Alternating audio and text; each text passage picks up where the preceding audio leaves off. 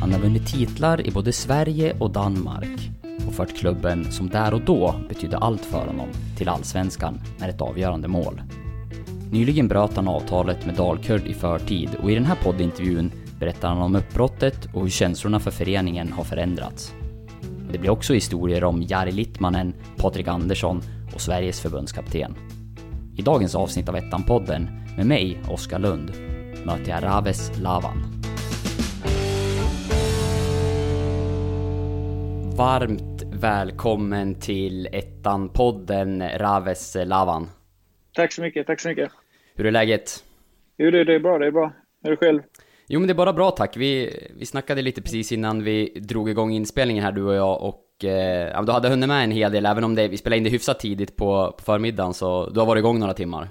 Ja exakt, nej men det är som med, med småbarn. Jag har redan lämnat dem och jag har gymmat lite och sådär. Härligt, då har du ja. hunnit med mer än eh, vad jag har gjort idag ska jag säga. Men eh, vi, ska, vi, ska, dra igång podden, den heter ju Ettan-podden och eh, det är mm. därför du är här. Vi kommer komma till vilken klubb som du sedan en liten tid eh, tillbaka representerar i den serien. Men vi drar igång yes. eh, faktarutan med första frågan och då, då handlar det faktiskt om ålder. Hur, hur lyder den siffran? Ja, 32.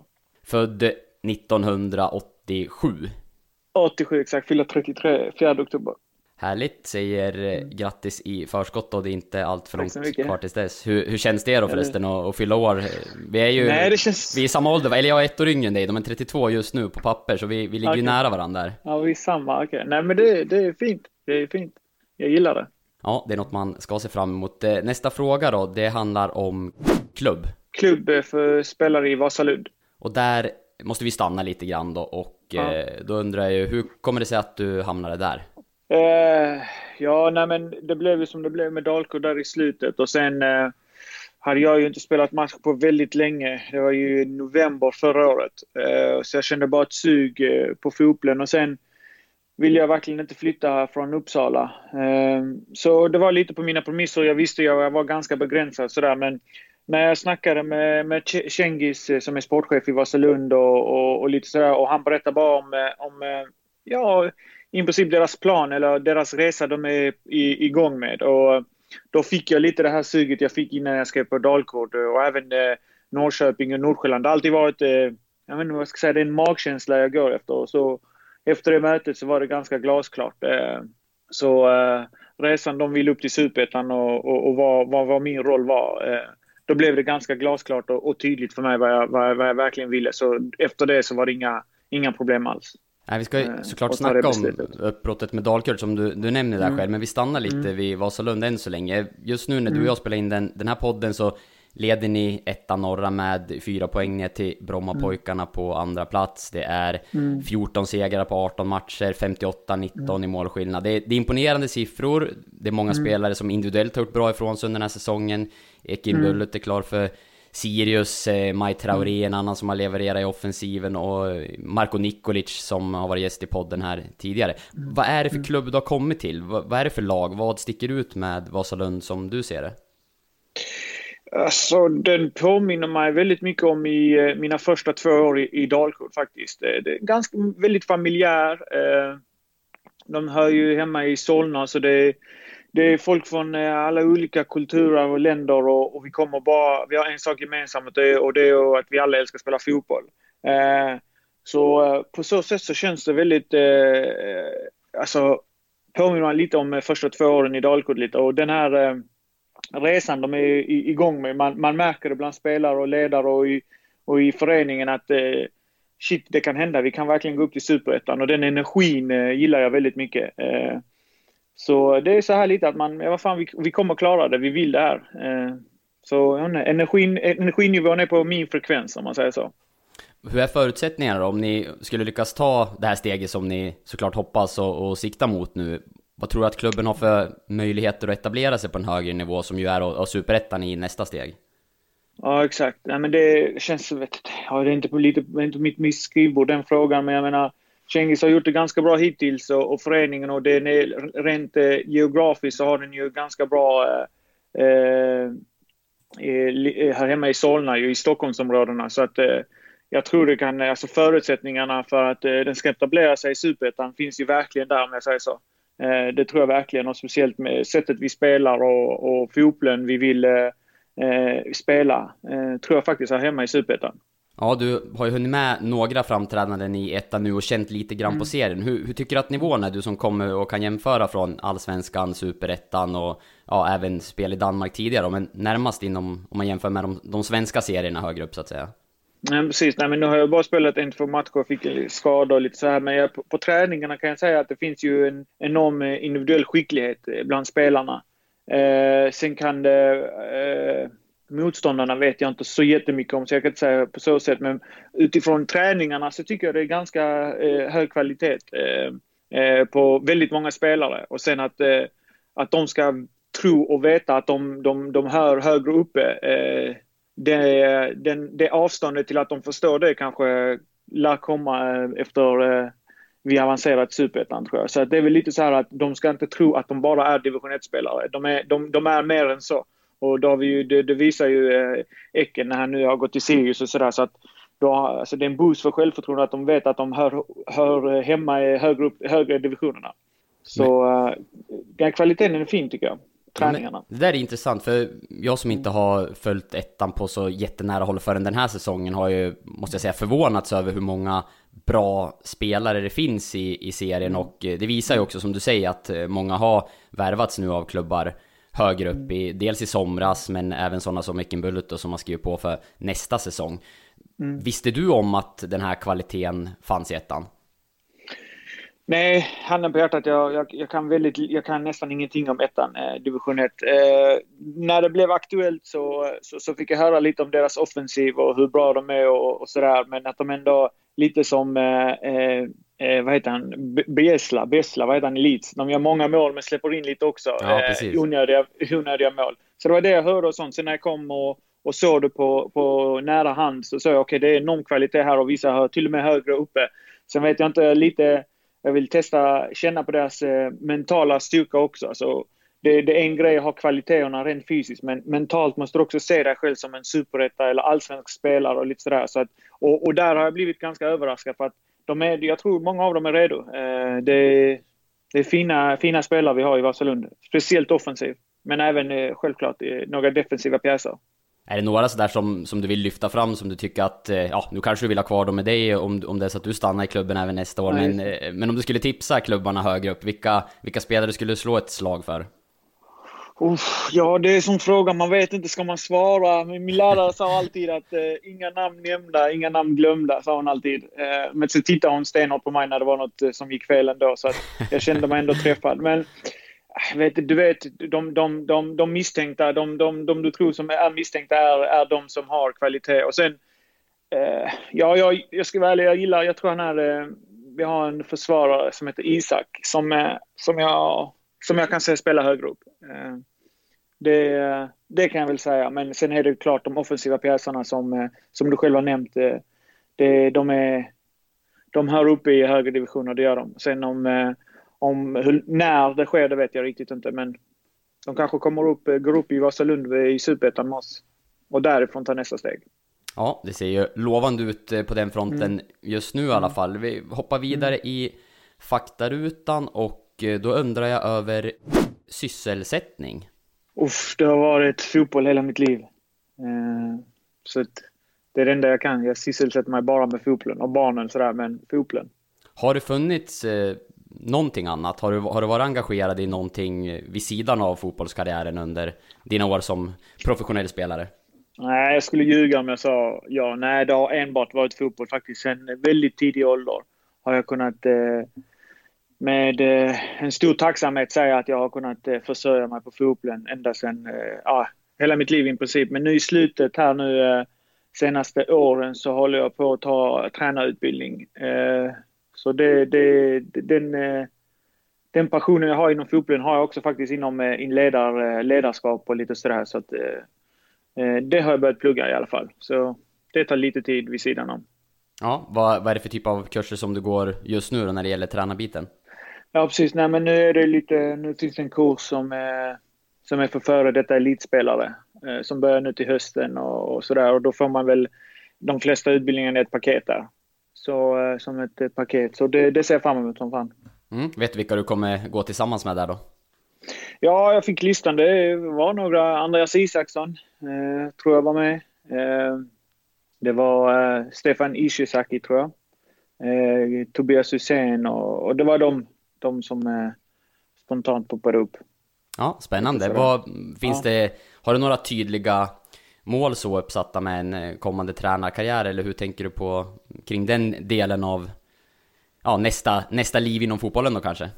Absolut. Nej, så långt har jag faktiskt inte tänkt. Så långt har jag inte tänkt. Det enda som glädjer mig är att jag faktiskt eh, övergången efter fotbollen eh, vet jag i alla fall vad jag vill göra. Sen vet jag inte hur långt eller hur bra jag blir och sådär. Men det är en ganska lättnad att jag ändå känner okej, okay, jag vet lite så här nästa kapitel i alla fall. Men eh, just nu så faktiskt Vasalund har gett mig glädjen tillbaka i fotbollen. Eh, och eh, det är jag enormt tacksam för faktiskt. För att jag, jag känner mig lite som jag gjorde för eh, ett par år sedan. Alltså. Eller inte bara ett par år sedan utan den här glädjen som finns. Jag känner mig som, som 17-18 igen. Jag älskar att träna, gillar att träna igen och, och träffa mina lagkamrater och skoja sådär. Så som, eh, så som jag är när jag är väldigt eh, lycklig. Ja, det låter härligt. Hur, hur långt är mm. avtalet med eh, Vasalund? Hur ser framtiden ut efter den här säsongen? Finns det något bestämt? Jo, men det finns det. Det finns det. Men först och främst så är väl huvudmålet att vi ska upp till Allsvenskan. Eller till Superettan, sorry. Ehm, det är väl det är väl det jag kan säga. Så det är eh, året ut i alla fall och sen, eh, sen är bara målet Superettan så, så kommer det mer där. Men du ser inget slut på den aktiva karriären än i alla fall? Nej, inte än. Inte än. Jag, jag vill verkligen spela Superettan-fotboll med Vasalund. Poddtips från Podplay. I podden Något Kaiko garanterar östgötarna Brutti och jag, Davva, dig en stor dos skratt. Där följer jag pladask för köttätandet igen. Man är lite som en jävla vampyr. Man har fått lite blodsmak och då måste man ha mer. Udda spaningar, fängslande anekdoter och en och annan arg rant. Jag måste ha mitt kaffe på morgonen för annars är jag ingen trevlig människa. Då är du ingen trevlig människa, punkt. Något kajko, hör du på podplay. Därför är gardinerna. Vi, eh, vi ska fortsätta prata framtid såklart också senare, men eh, nu går vi till en faktafråga där vi ska blicka bakåt lite grann. Nu undrar ja. jag över ditt eh, bästa fotbollsminne. Oh. Ho, ho, ho. De har jag många av om jag ska vara ärlig. Ja, vi kör på. Mm, vi kör på. Vi tar uh, en gammal veteran vet du, men om jag går tillbaka till min Malmö, Malmö FF-tid så hade jag ett par uh, jättefina minnen där om jag ska vara ärlig. Och det ena är faktiskt när jag var 17, tror jag det var, eller 18 och sådär. Jag tänkte jag är ganska nära nu att komma med i, i matchgruppen och spela allsvensk fotboll för Malmö FF. Men för så kom det en, en, en match jag inte blev uttagen till truppen. Kanske var, jag tror jag var 17 och jag var enormt besviken. Och jag tror man såg det på mig också. Eh, jag såg på lappen att mitt namn inte stod med. Så jag gick och var lite för mig själv och, och, och snyftade lite sådär. Och då kommer eh, Jari Littmanen en eh, gammal stor spelare som eh, jag hoppas ni känner till. Kom han till mig på engelska och sa han imorgon så kommer du hit klockan 10. Och det var då de skulle gå iväg och spela match. Så jag förstod inte och jag var, hade så mycket respekt för honom så jag visste inte riktigt vad jag skulle säga. Så jag bara okej. Okay. Så dagen efter kom jag klockan 10. Då var han redan ute på planen med två säckar bollar och så tränade han med mig. Eh, och sen efter vi hade tränat så berättade han lite att eh, man ska inte ta besvikelse så hårt. Och så berättade han lite av eh, sina upplevelser i sin karriär. Så det är ett jävligt fint minne som jag alltid kommer ta med mig. Sen har jag väldigt fina också. Jag hade en gång där jag var skadad och eh, så var jag inne i gymmet och cyklade, också i Malmö FF. Och så kom eh, Patrik Andersson som eh, före detta kapten i landslaget och Bayern München och brorsan är sportchef nu i Malmö. Då kom han, var han också skadad och så snackade vi lite och han kände lite på mig, ställde ett par frågor. Jag var väldigt ung som sagt. Så sa jag, ja men Inter är för tillfället mitt favoritlag. Jag älskar det Ronaldo, sen älskade jag Vieri och allt vad det var. Och då kommer han dagen efter, sitter i omklädningsrummet, kastar han en påse på mig när han kommer in. Så tänkte jag shit, vad ska jag nu göra? Ska jag tvätta något eller ska jag, jag vet inte vad jag ska göra. Så öppnade jag påsen så var det en Intertröja med Zanetti till mig. Ja, det är fantastiskt. Som, fortfar ja, som fortfarande hänger i min rum i, i Malmö. Så sådana saker. Och sen har det så självklart målet med, mot Gais med Dalkurd och Champions League med Nordsjälland. Det är mycket, mycket. Men de två eh, kommer jag aldrig glömma för att eh, Eh, Eh, det gav sånt starkt eh, intryck alltså, det, på mig att eh, oavsett vad de hade eh, uppnått eh, eller åstadkommit i sitt karriär så var de här och, och tog sin tid till mig. Och eh, tid är något av det finaste vi kan ge till andra människor. Så jag försöker också verkligen bara föra vidare det budskapet de gav mig. Ja, det är ju fantastiska historier. Det är ju som du säger väldigt ja. stora spelare och eh, ja. fina eh, gester som de står för. Hur var det som, mm. som du säger, du var 17 år där och kom upp i Malmö mm. FFs A-lag och det var, mm. det var stjärnspäckat, det var de här spelarna du nämner, det var väl även eh, Afonso Alves, Marcus Rosenberg, den typen mm. av spelare som var där då. Hur, hur mm. var det för dig att komma upp som tonåring i, i det eh, Malmö FF som det var där och då? Ja, men där och då så förstod man ju inte riktigt. Alltså jag, var ju, jag var väl 17 när jag kom upp där och, och tänkte direkt att fan, jag är lika bra som de här, Jag vill börja spela. Och det här, eh, den här... Eh, jag vet inte om det var en falsk fasad jag hade, men jag var ju ganska... Jag har alltid trott på mig själv, men där och då förstod jag kanske att det var en bit kvar för att jag, jag, jag verkligen skulle bli, börja spela och, och, och ta deras platser. Eh, så där och då förstod jag inte hur stort det var. Men nu i efterhand så kan jag verkligen eh, ge den återblick och säga okej, okay, så här och så här kanske jag borde ha gjort eller jag skulle ha lyssnat där eller kanske skulle haft mer tålamod där och sådär. Men just i stunden så känner man ju inte så. Eh, det gör man faktiskt inte. Men nu så eh, i efterhand så eh, uppskattar man de stunderna väldigt mycket. Eller den tiden. Du nämnde ju två häftiga händelser där. Vilka minnen annars mm. sticker ut från tiden i Malmö FF? Är det någonting speciellt som du bär med dig idag? Ja, alltså Malmö, jag alltid, Malmö är min klubb i Sverige om jag ska vara ärlig. Eh, det har det alltid varit. Eh, men det finns eh, många minnen. Alfonso Alves blev köpt eh, eh, väldigt dyrt eh, till Herrenven tror jag det var. Så sitter jag hemma en dag med mina föräldrar. Jag, som sagt, jag är 17 år så jag är bara hemma, chillar så här. Så ringer det på kvällen från något konstigt nummer. Och jag svarade. Och då hör jag bara han skrika och spela samba-musik. Tänker, vad fan är det här? Och hans engelska var lite bruten, alltså det var inte den bästa engelskan. Så sa han, uh, ja, jag klarade det, jag gjorde det, jag, kom, jag är rik, sa han. Och så, där. och så hörde man bara musik i bakgrunden och sådana saker. Då var det fest? Uh, så lite sådana, ja då var det fest. Sen Markus Rosenberg också som var, blommade ut just den tiden. Uh, att se det också var, var, var väldigt, var fett faktiskt. Ja, hur, vad säger du om liksom, den karriären som han sen fick? Dels såklart en, en utlands Eh, lång proffssejour däremellan, men sen också återkomsten till Malmö och eh, den ja, ikonstatusen som han har uppnått.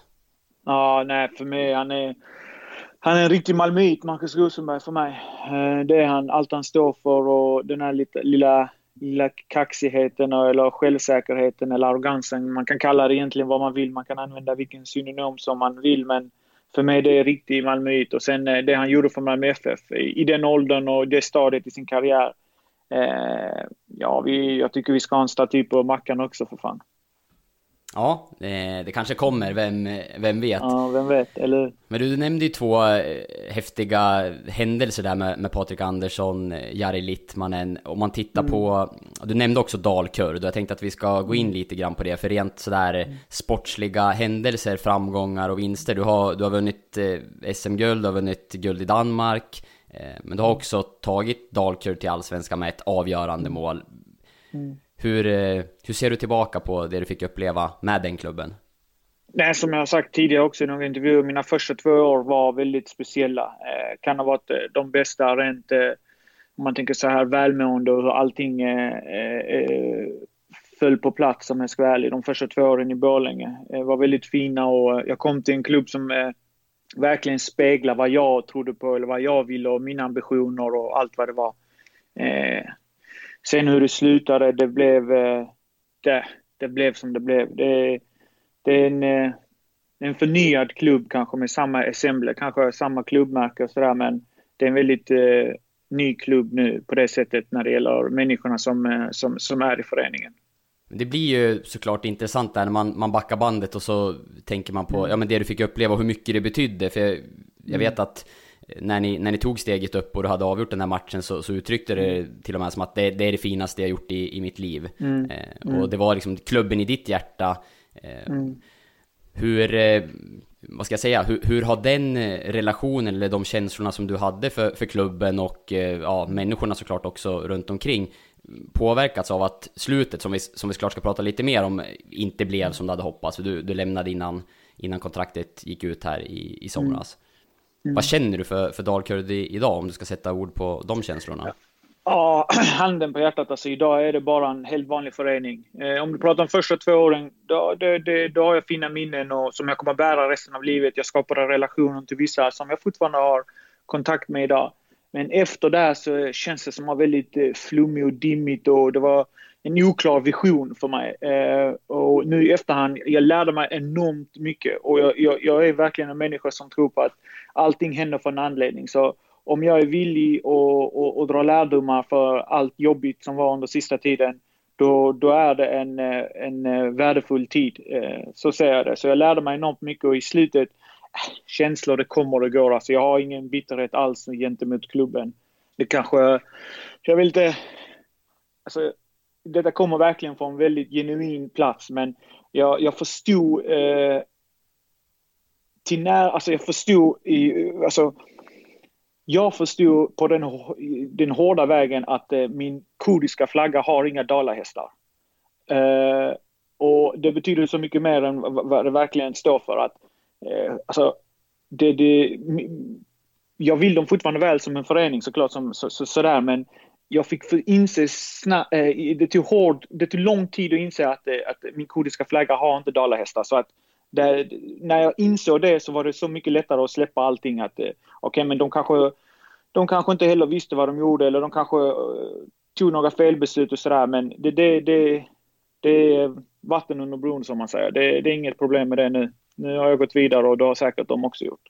För känslorna som, som du hade under tiden då ja, mm. er relation var som bäst och dina känslor var som ja. starkast, då var det att Dalkurd var ja, men ett kurdiskt landslag, eh, mer eller mindre. Ja. Ja, exakt. Nej, men så var det ju. Så var det och det var det de pitchade mig också, om jag ska vara helt ärlig, eh, när jag kom. Och, och du vet, eh, då, där och då minns jag att jag sa till mig själv, jag har alltid velat spela för något större. Jag har inte, jag har inte bara tagit ett kontrakt för att ta eller gått till en klubb för att. Det var samma med Nordsjälland som berättade om sin femårsplan. Eller Norrköping med Janne Andersson och sen Dalkurd.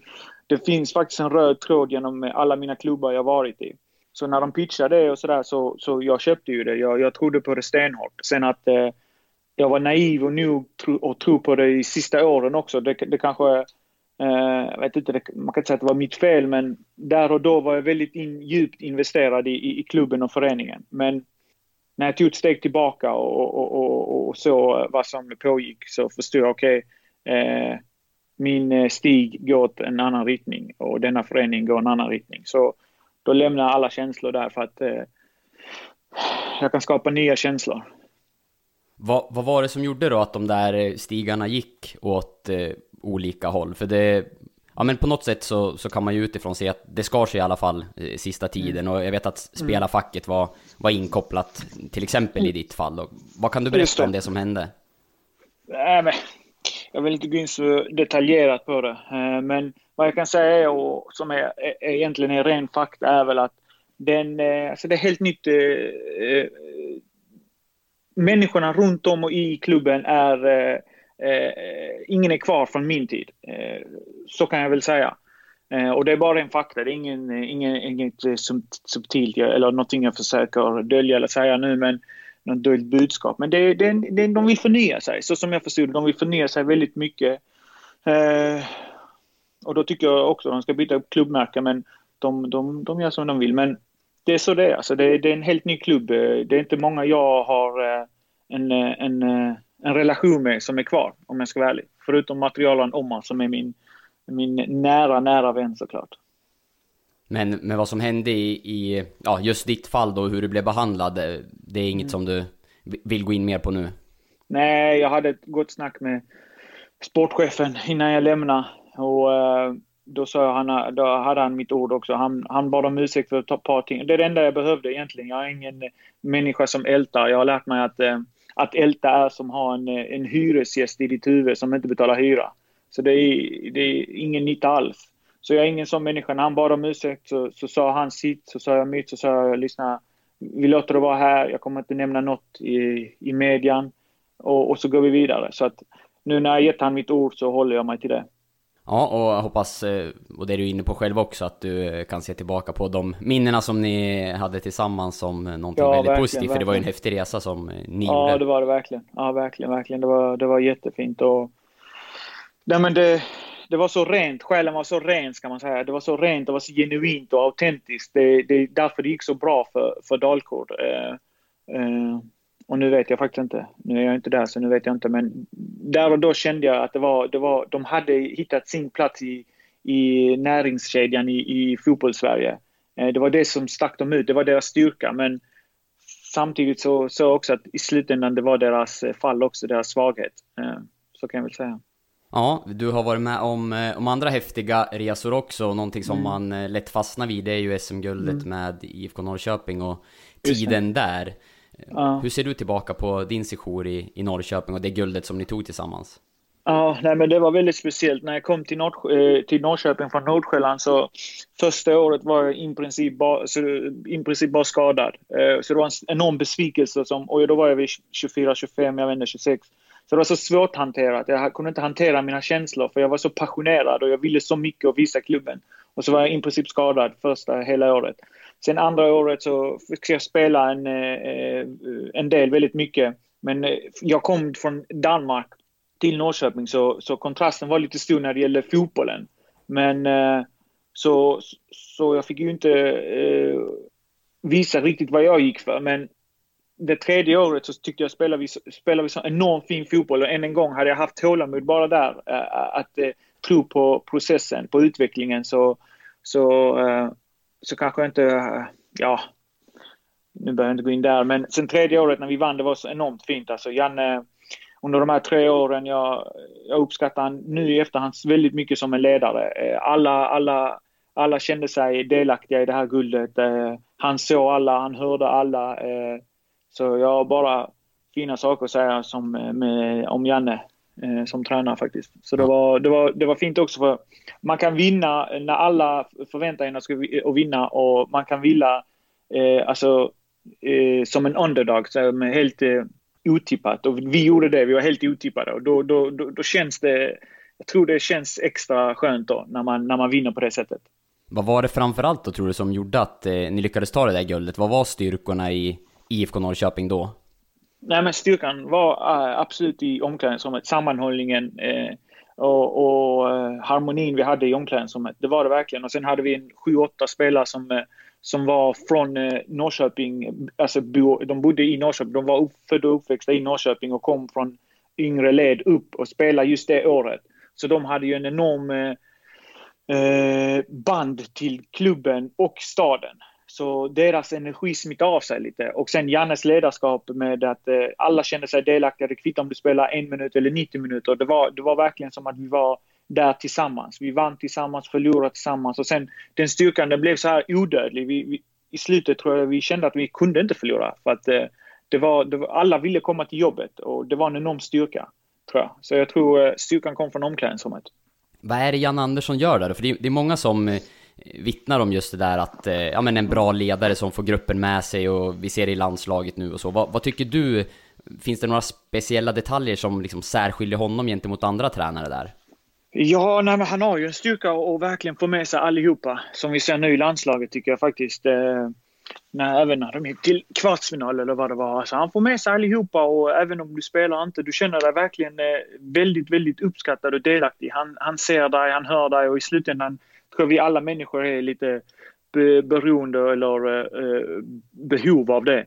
Eh, eh, att, man, att man är någon, att man tillhör någon, att man har ett syfte. Och han är väldigt bra på det.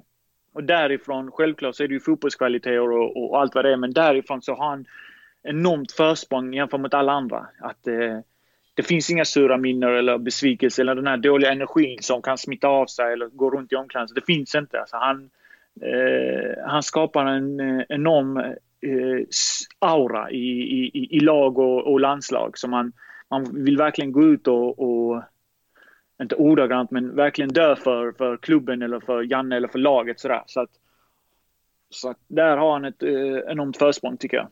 Hur var din relation med honom under tiden i Norrköping?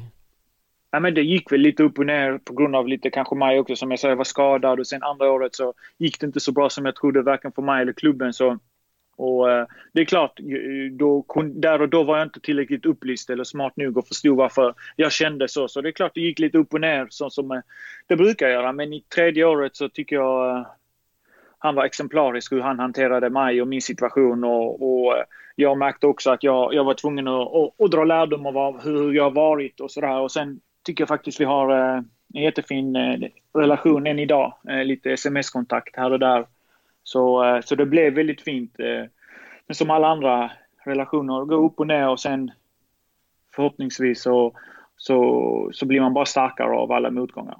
Minns du något sådär speciellt samtal som du hade med honom eller ja, någon gång när det kanske relationen inte var den bästa och ni fick hantera det på något sätt? Eh, något minne sådär som dyker upp kring sådana delar?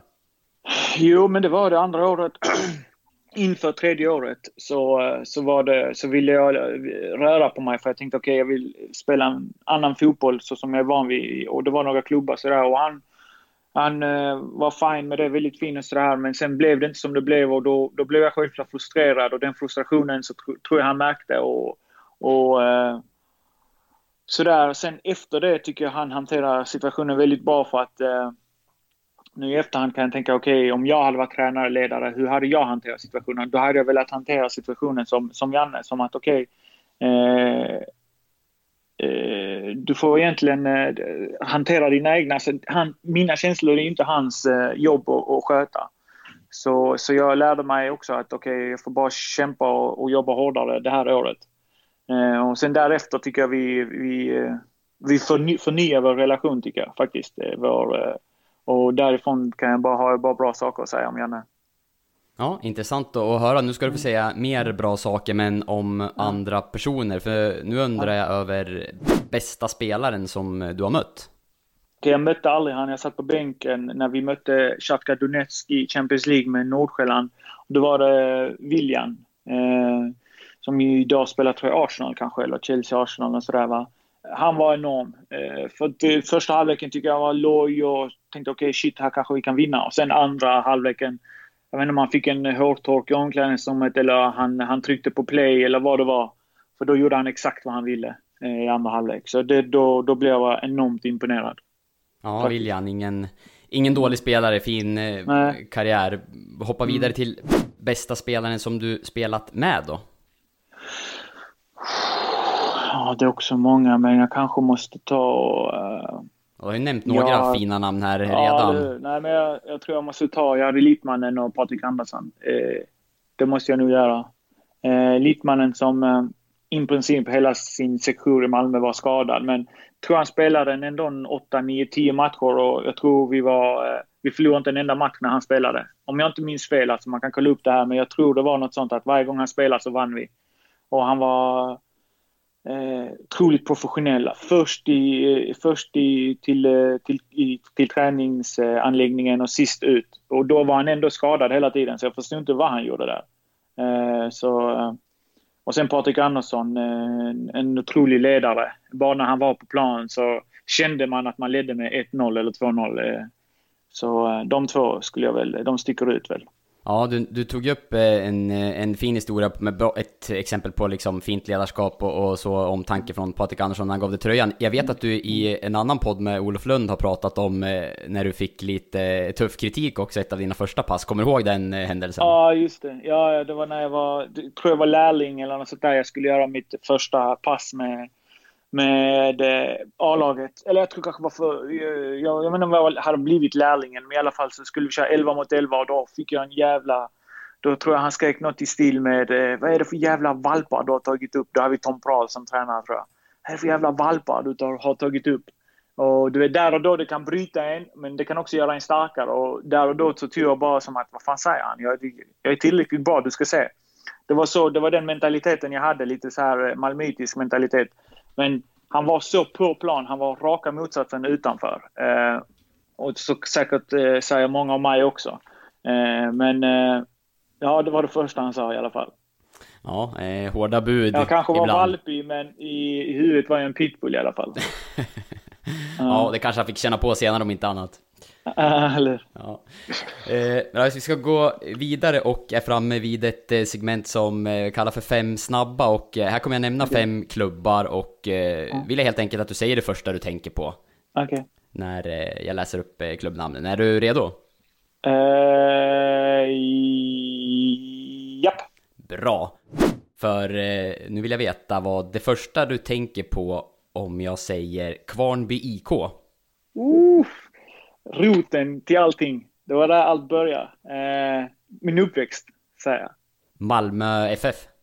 Eh, styrka, det är det första jag tänker på. Mentalitet. Stark mentalitet. FC Nordsjälland? Guld. Vi vann mycket guld. Vi vann två kupper också, förutom eh, ligan. Så guld. Mm, en eh, annan klubb där du har vunnit guld och som vi har pratat om, IFK Norrköping? Ja. Eh, harmonisk klubb skulle jag säga. Väldigt fridfull och harmonisk. Det var enormt kul att gå till eh, träningen. Så en väldigt harmonisk klubb var det. En, en välmående klubb skulle jag vilja säga. Och sist av allt då, Dalkurd? Dalkurd? Ja, historia, skulle jag vilja säga. Ja, härligt. Eh, fem ja. klubbar som du har eh, representerat. Det är ju inte de enda. Det var väl eh, Horsens i Danmark som vi inte fick med där va? Av Just det, Horsens. Ja, vi tar väl den ja. också då. Hur, hur var ja, sessionen där? För det var, det var där du hamnade efter ja, tiden i Malmö FF? Just det, just det. Ja, jag gick dit. Eh, jag hade en dansk agent och gick till Dubai. Träffade Kent Nilsson, en stor spelare i Danmark. Eh, vann EM med eh, Danmark i Sverige tror jag. Kom dit. Nej, men var, hans, första, hans första intryck, han är väldigt, inte teatrisk jag vill inte säga, men han, han, han tar energi direkt när han kommer in i rummet. Så jag föll för honom direkt kan man säga. Eh, så jag skrev på Horsens direkt där och, och spelade eh, SAS-ligan, då, superligan, eh, i den tidiga åldern. Och han trodde väldigt mycket på mig och han lärde mig enormt mycket också utanför fotbollen. Eh, tog hand om mig lite som sin son där. Så, eh, men Horsens som stad, alltså det, det, handen på hjärtat måste vara Europas tråkigaste stad. Eh, Berätta det, mer. Det, och då har jag ändå bott i Borlänge. Fattar du? Så att de två, de, de fightas om den topp, eh, toppplatsen. Nej, men det var, det var fanns ingenting att göra i staden, men klubben var väldigt fin. Klubben, tiden där var väldigt kul. Ehm, ja, för det blev ju ändå kvar där ett, det var väl tre, tre säsonger ja, som du gjorde där? Ja, exakt, exakt. Det var, alltså man spenderade flera timmar på anläggningen, klubben. Det var, det var spelarna och, och, människorna runt omkring, men därefter så var det, ja, men det var det jag behövde i den eh, tidpunkten av mitt liv. Så det är nog därför jag hamnade där också. Men du tog, det är ju ett tidigt steg som du tar utomlands. Mm. Det, är ingen, det är ingen lång flytt så, du, du flyttar till Nej. Danmark, men, men ändå mm. ett, eh, ja, men en, en tidig flytt utomlands eh, från, ja. och lämnade Malmö FF. Hur, hur gick tankarna mm. där och då när du valde att, att, ta steget från MFF?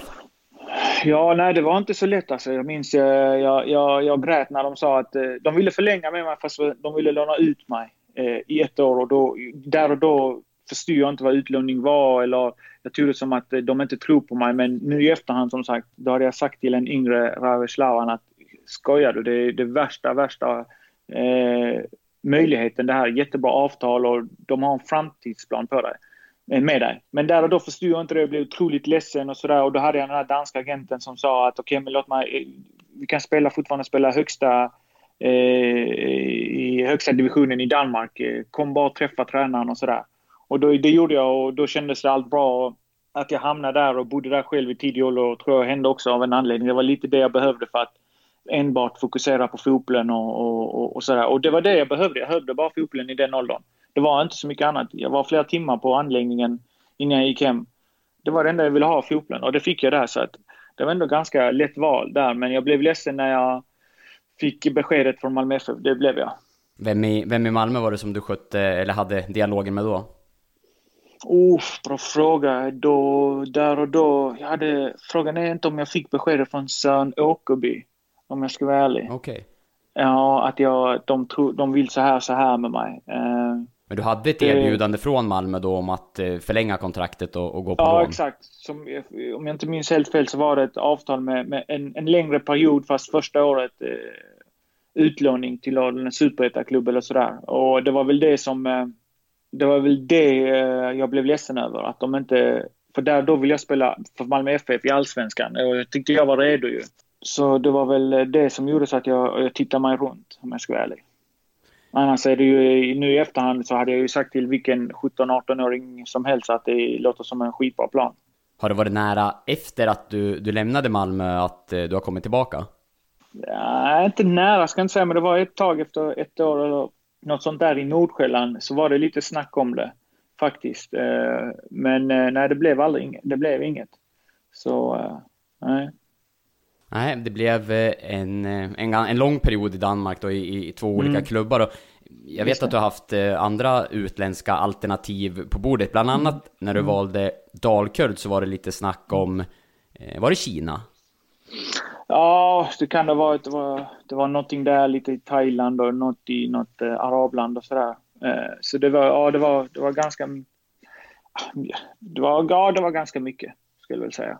Har du varit nära att hoppa på något sånt äventyr? Eller hur har dialogerna varit med mm. den typen av, av klubbar och ja, eh, andra upplevelser? Nej, alltså, det är detta som är sjukt. Jag, har, jag säger alltid till, eh, till mina nära och kära att min största gåva i livet är att jag alltid velat eh, vad jag, vad jag vill med mitt liv. Alltid vetat exakt vad jag vill, hur jag vill bo, vad jag vill ha eller vem jag vill vara och så här. Och det har varit min största välsignelse sedan barnsben. Och det är samma här. Alltså jag har aldrig lockat till de här erbjudandena, eh, om jag ska vara ärlig, de här äventyren. Och då ska du veta också att det är, det är, det är summor som, som, som inte finns kanske här i, i, i Skandinavien eller sådär. Men jag har aldrig lockat och så. Jag, folk har höjt ögonbrynen, till och med familjemedlemmar, när jag sagt jag vill inte, jag vill inte. Och det var lite därför också det blev eh, med, till slut det blev Dalkurd för att eh, jag tackade nej till väldigt mycket och sen dök Dalkurd upp så det var lite som att jag visste ändå, jag gick ändå på magkänslan och magkänslan blev rätt om jag ska vara ärlig. Vad är liksom det, vad ska jag säga, inte värsta utan snarare bästa som du har tackat nej till då? Uh, nej men det måste nog vara ett kontrakt jag fick i, uh, nu vet jag inte exakt vilket arabland det var. Men uh, det var ett avtal jag fick rent konkret och jag kunde ta ställning till det. och för att jag kunde få asiatisk pass också. Så var, kunde de höja ännu mer och, och försöka locka dit mig men... Vad pratar vi om för summor då, då ungefär? Ja, det var ganska mycket. Alltså, om jag... Uh, om jag hade tagit det så hade jag nu, så hade nu sett alla mina tänder när jag smilade. Uh, men det var inte det, det som drev mig. Ja, exakt. Nej, det, det, var, det, var, det, var, det var sjuka det var, det var inte det som drev mig. Alltså, jag, tror inte ens jag var nära att ens eh, Eh, tänka på det. Och till och med min fru som, eh, som alltid, eh, som tänker lite samma banor som mig, eh, sa lyssna, du måste följa ditt hjärta för att i slutändan eh, om jag följer hjärnan så, så är det lätt att ångra sig när man ligger vid sin dödsbädd. Så det, det är det jag har gjort hela mitt liv faktiskt och eh, det har funkat för mig i alla fall. Vad kommer det därifrån och tror du? Du beskriver en, eh, ja men att du alltid har vetat eh, vad du vill göra, hur du vill leva, vem du, vem du vill vara. Vad, vad kommer det ifrån? Det är det jag säger, det, det är min största, det är en gåva jag fick från Gud när jag föddes. Eh, så länge jag kan minnas så vet jag exakt typ eh, om du frågar, vi tar materiella saker. Jag vet exakt eh, vilken bil jag vill ha. Eller, även om jag har flera miljoner på kontot nu och jag kan välja och vraka om vilken bil så hade jag inte gjort det. För det, det, inte, det driver inte mig, så det är ingen drivkraft så här att nej, men jag vill ha bara för att jag kan. Jag har alltid vetat och det, det har funkat för mig. Jag, jag tror så mycket mer på än bara materiella saker eller, eller pengar eller så här. Det, det, det, jag tror så mycket på det abstrakta, de att göra rätt för, för dig själv och, och, och, visa alltid kärlek och gå den rätta vägen. Och för då, då tror jag du, du kommer ha, eh, du kommer må bäst. Och verkligen ångra, vid, vid dödsbädden kommer du må väldigt bra att inte eh, lyssna på hjärnan för mycket. Att man gått, eh, även om det mycket rädsla att följa sitt hjärta så, så tycker jag det är den rätta vägen för mig. Så det är väl en välsignelse jag fått. Finns det gånger som du har liksom, eh, vad ska jag säga, att gjort avkall på det här eller då det har varit eh, svårt eller jobbigt att eh, hålla fast vid den linjen som du har?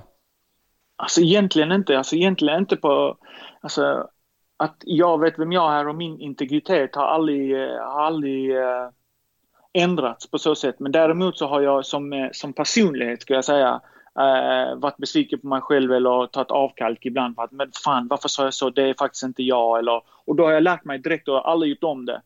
Eh, det var en situation i Horsens när jag var 19 år, tror jag, 18-19. Vi skulle möta FCK på hemmaplan. Vi hade matchgenomgång och eh, en rolig historia. Så, och han, tränaren, trodde enormt mycket på mig. Han såg mig verkligen som sin son och gav mig eh, otroligt mycket kärlek och omsorg. Men just den matchen skulle inte jag starta och då blev jag fly förbannad och tog av mina skor på matchgenomgång och la dem på golvet och gick ut ur matchgenomgången. Uh, och, uh, direkt när jag gjorde det, när jag tog första steget utanför dörren tänkte jag det här är inte jag. Varför gjorde jag så? Men nu kunde jag inte banga. Jag var tvungen att fortsätta. Och, så jag gick och duschade. Och jag hade ingen bil då. Så jag var tvungen att stanna på han, med han jag åkte med. Och efter mötet så kom han ut. Han var skitilsken, Kent Nilsen. Han var skitsur. Jag gick in i hans rum och jag såg bara hans ilska. Men eh, så sa han att det enda positiva med det här var att du stannar kvar. För att du visste säkert att du gjorde fel. Men i, i sanningens namn så hade jag ingen bil så jag kunde inte komma ifrån. Men där och då, alltså det, det, varför jag berättade den här eh, anekdoten, den här berättelsen var för att mitt första steg ur dörren när jag gjorde det, jag visste att jag gjorde fel. Alltså, så det var, det var ju inte, eh, alltså jag tog inte avkall på min integritet men jag, aldrig mer skulle jag göra något sånt dumt. Eh, för det var, det var inte jag, det var bara ilska, det var känslor. Det var, så, så jag har verkligen lärt mig den eh, hårda vägen. Jag är väldigt självlärd på det sättet. Så att de misstagen gör jag inte igen. Nej, du gjorde, inte, du gjorde aldrig om det? Nej, aldrig, aldrig. Inte på det. Nej, det har aldrig, aldrig något sånt. Sen har jag alltid varit väldigt eh, kanske känslosam, väldigt passionerad med min fotboll. Så ibland så, så kommer det ut på andra sätt än sådär. Och det, det har också varit den hårda vägen. Det har också lärt mig att okej, okay, filtrera det rätt, eh, kanalisera de här känslorna rätt. För det är passion, det är inget annat. Men folk kan uppfatta det som annat. Så jag har verkligen lärt mig med alla åren och de här sista åren också. Det är det jag säger med Dalkurd. Det var så mycket lärdomar så att jag ser det som en, eh, som en värdefull tid när jag var där. Sen att, att, det blev, eh, att det inte blev så mycket fotboll nu i slutet, det var lite tråkigt. Men den glädjen har Vasalund gett mig tillbaka nu. Härligt. Den här mm. fotbollsresan som vi har pratat om nu, jag förstår att du har stött på många människor som har betytt mycket för dig på vägen. Men om du mm. skulle mm. lyfta ut den person som betytt allra mest för dig i din fotbollskarriär? Vem är det? Uff, då måste jag gå tillbaka till Kvarnbytiderna. Eh, Tommy. Tommy Malmström heter han. Han bodde mitt emot mig på, eh, i Malmö. Eh, utan han så lovar jag att jag hade, jag hade inte haft, jag hade missat jävligt mycket fotbollsträningar. Eh, han, han tog hand om mig, eh, hans son spelade i samma lag, han var målvakt, Michel. Så han körde mig till varenda träning. Han matade mig med spagetti innan kupor för att jag skulle ha kolhydrat. Han köpte fotbollsskor till mig. Han gjorde allt för mig. Eh, så rent i min fotbollskarriär så har han betytt mest. Eh, i detta pågick kanske i flera år alltså, eh, innan jag gick till Malmö. Så jag åkte alltid med han. Han tog hand om mig som sagt. Han, han ringde mig ibland och sagt har du käkat nu? Vi har en viktig match och allt vad det var. Så att Tommy skulle jag väl säga. Av alla de jag har haft så är det Tommy Malmström. Ja, vi hoppas att han lyssnar. Och du, du pratade ju om eh, ja. de tidiga åren. Så här. Hur, hur var din uppväxt i Malmö? Den var jättefin. Alltså, som sagt, jag visste direkt från så länge jag kan minnas vem jag har varit så har jag vetat att jag vill göra fotbollen, spela fotbollen. Så att eh, växte och föddes upp i, i Malmö och Rosengård. Sen flyttade vi eh, eh efter ett tag flyttade vi därifrån till Höja som är bara ett stenkast därifrån egentligen ett par hundra meter. Och där började jag i eh, Husie Husje först, men sen började alla vännerna i Kvarnby. Så jag började också i Kvarnby. Och, eh, så det har bara varit fullt med fotboll. Det var inte, tyvärr inte så mycket skola. Eh, jag var hellre ute och spelade fotboll och sådär. Så att jag hade jättefin uppväxt i Malmö faktiskt. Eh, Malmö är som sagt mitt, eh, min stad. Vi, vi går vidare och nästa faktafråga som är med i podden, det är en märklig händelse som du har varit med om under din fotbollskarriär. Och några har du ju faktiskt nämnt, men det kanske finns någon som vi inte har tagit upp. Nej, men det får väl vara eh, kanske att jag snodde den här skon av Akam när jag mötte dem, David Akam i, med Norrköping, Helsingborg.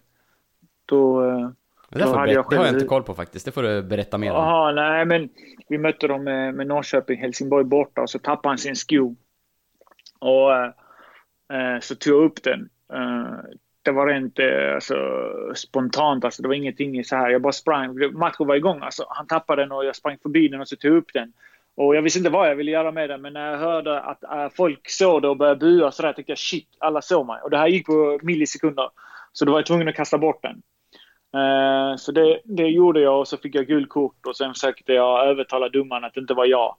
Men... uh, Just det, nu, nu, var, nu, nu kommer jag ihåg det här. ja, det var det var väldigt märkligt. Ja, det var lite kul faktiskt. Och då var han... Eh, jag minns han var uttagen till så här bruttotrupp tror jag, i VM, Ghana eller något sånt där. Så sa jag på engelska med de här... With this shoe you can play World Cup, sa jag.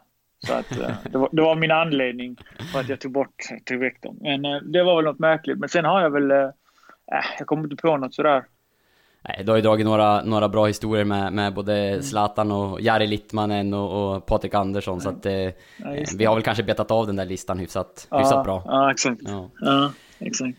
Du, eh, nu är en fråga som såklart kan vara kopplad till fotbollen, men eh, framförallt till livet i stort. Eh, frågan lyder, då mådde du som bäst? Nej, men mina, det måste jag nu säga, mina första två år i, i, i Dalkurd och i Borlänge. Eh, för eh, överlag mådde jag väldigt bra, både som fotbollsspelare men som, som, som, eh, som människa också. Så jag hade min familj där och det var väldigt mycket tid man spenderade med dem efter fotbollen och det var bara en bra tid. och, och sen gick det bra med, med, med fotbollen också. att vi, vi, vi vi kom upp till allsvenskan andra året och sådär och människorna jag träffade och sådär. Eh, så då, det var väldigt fin tid faktiskt, de två åren där. Sen, sen har jag också olika stunder i, i och, och, säsonger så här i Danmark och Norrköping och Malmö FF så här, som var väldigt så. Men överlag skulle jag säga att de två eh, sticker ut lite. Eh, men nu också, jag är väldigt, jag är väldigt tacksam för, för, för min situation just nu om jag ska vara ärlig att jag bor kvar här och jag kan fortfarande spela fotbollen och, och inte vilken fotboll som helst. En väldigt, eh, en väldigt utvecklande fotboll skulle jag vilja säga eh, i Vasalund och eh, med tränaren och, och, och Genghis där. Så att det, nu är jag också jävligt tacksam om jag ska vara ärlig. Ja, härligt att, att höra och du, eh, det du är inne på just med, med Vasalund, eh, det, det får man väl skicka ut som ett litet tips till lyssnarna som inte har kollat. Det, det ni är ett roligt lag att, att titta på. Det är underhållande ja. och eh, offensiv ja. fotboll som, som det bjuds på. Mm. Jo men det är det, det är det. Det är ju så många, så många bra offensiva pjäser vi har så att de, de får dominera matchbilderna lite som de vill. De styr och ställer lite och då blir det ju oftast eh, offensiv fotboll och mål och sådär. Så att nej, det är kul faktiskt. Ja, vi, vi vänder på det här då och så mm. lite mer eh, negativ klang. Frågan lyder, mm. då mådde du som sämst? Ja, men då har jag också haft några stunder när vi eh, åkte ner med Horsens där, eh, mitt sista år. Eh, och eh, tiden därefter att vi åkte ner och vad jag skulle ta vägen, det var en jobbig tid. Eh, samma med eh, eh, mitt första år i Norrköping när jag var skadad hela tiden. Eh, och eh, nu i slutet lite med Dalkurd. Så det har varit... Eh, det är väl lättare att komma ihåg dem eh, faktiskt. Man, det är väl lättare att komma ihåg när man gråt, grät senast än skrattade. För det känns som att, jag vet inte varför det är så. Men de, de, de, de, de perioderna fanns ju.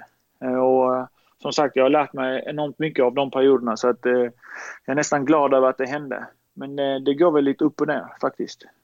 Hur mycket, så, men hur mycket har din, eh, ditt mående präglats av fotbollen och eh, hur det går där och hur mycket har du liksom kunnat eh, ja, hålla isär livet utanför fotbollen med det som händer på plan?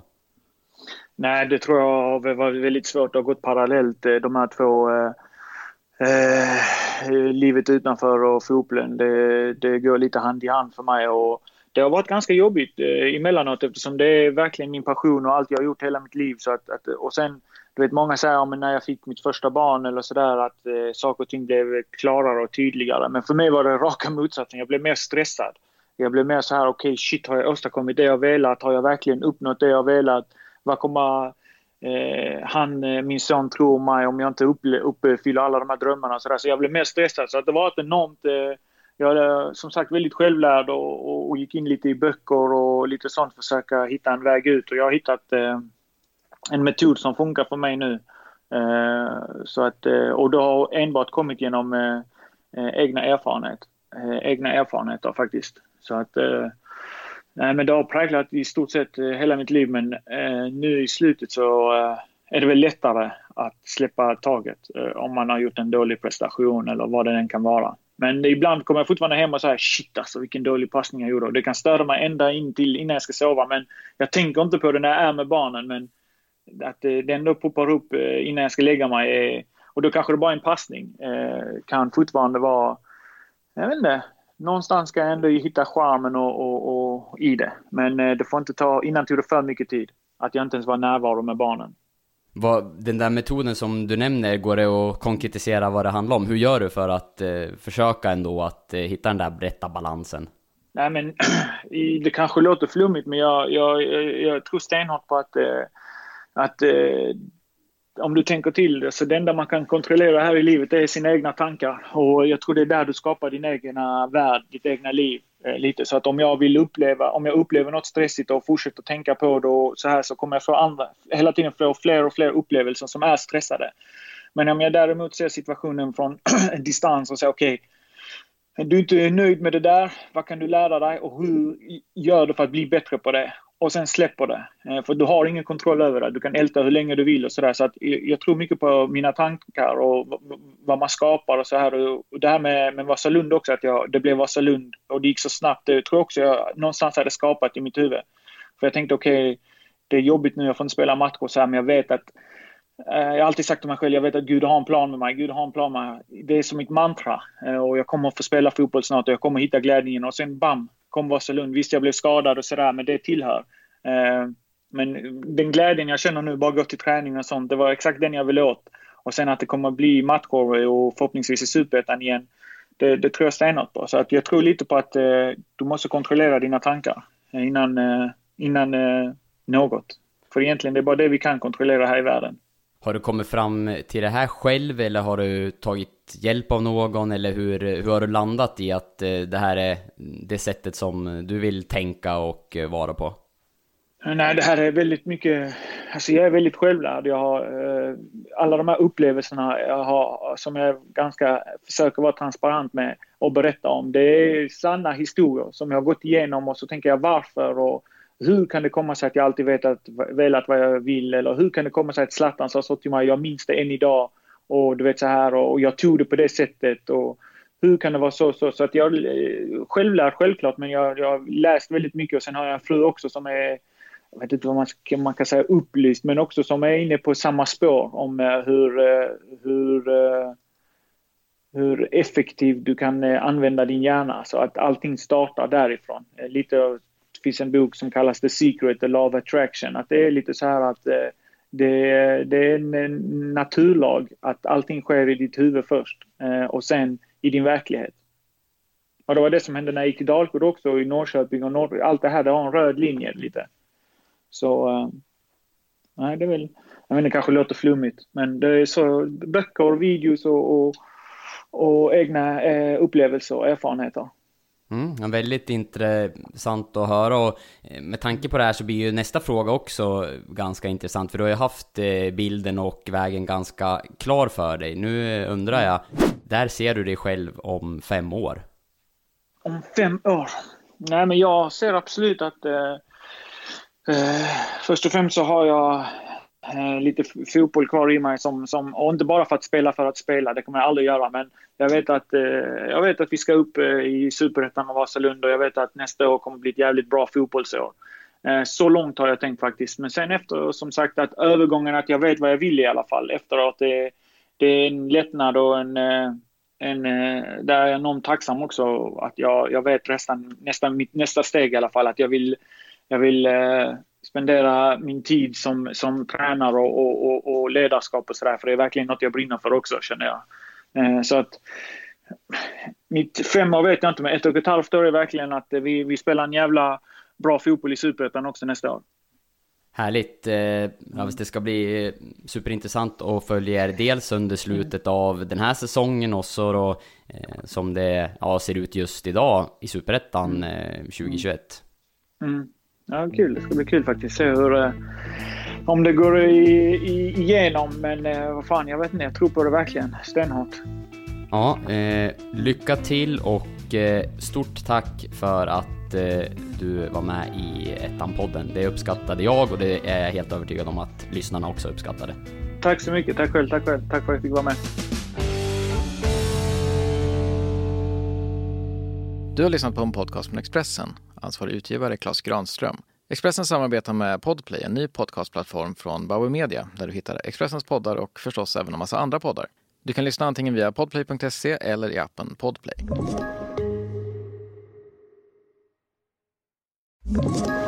Ett poddtips från Podplay.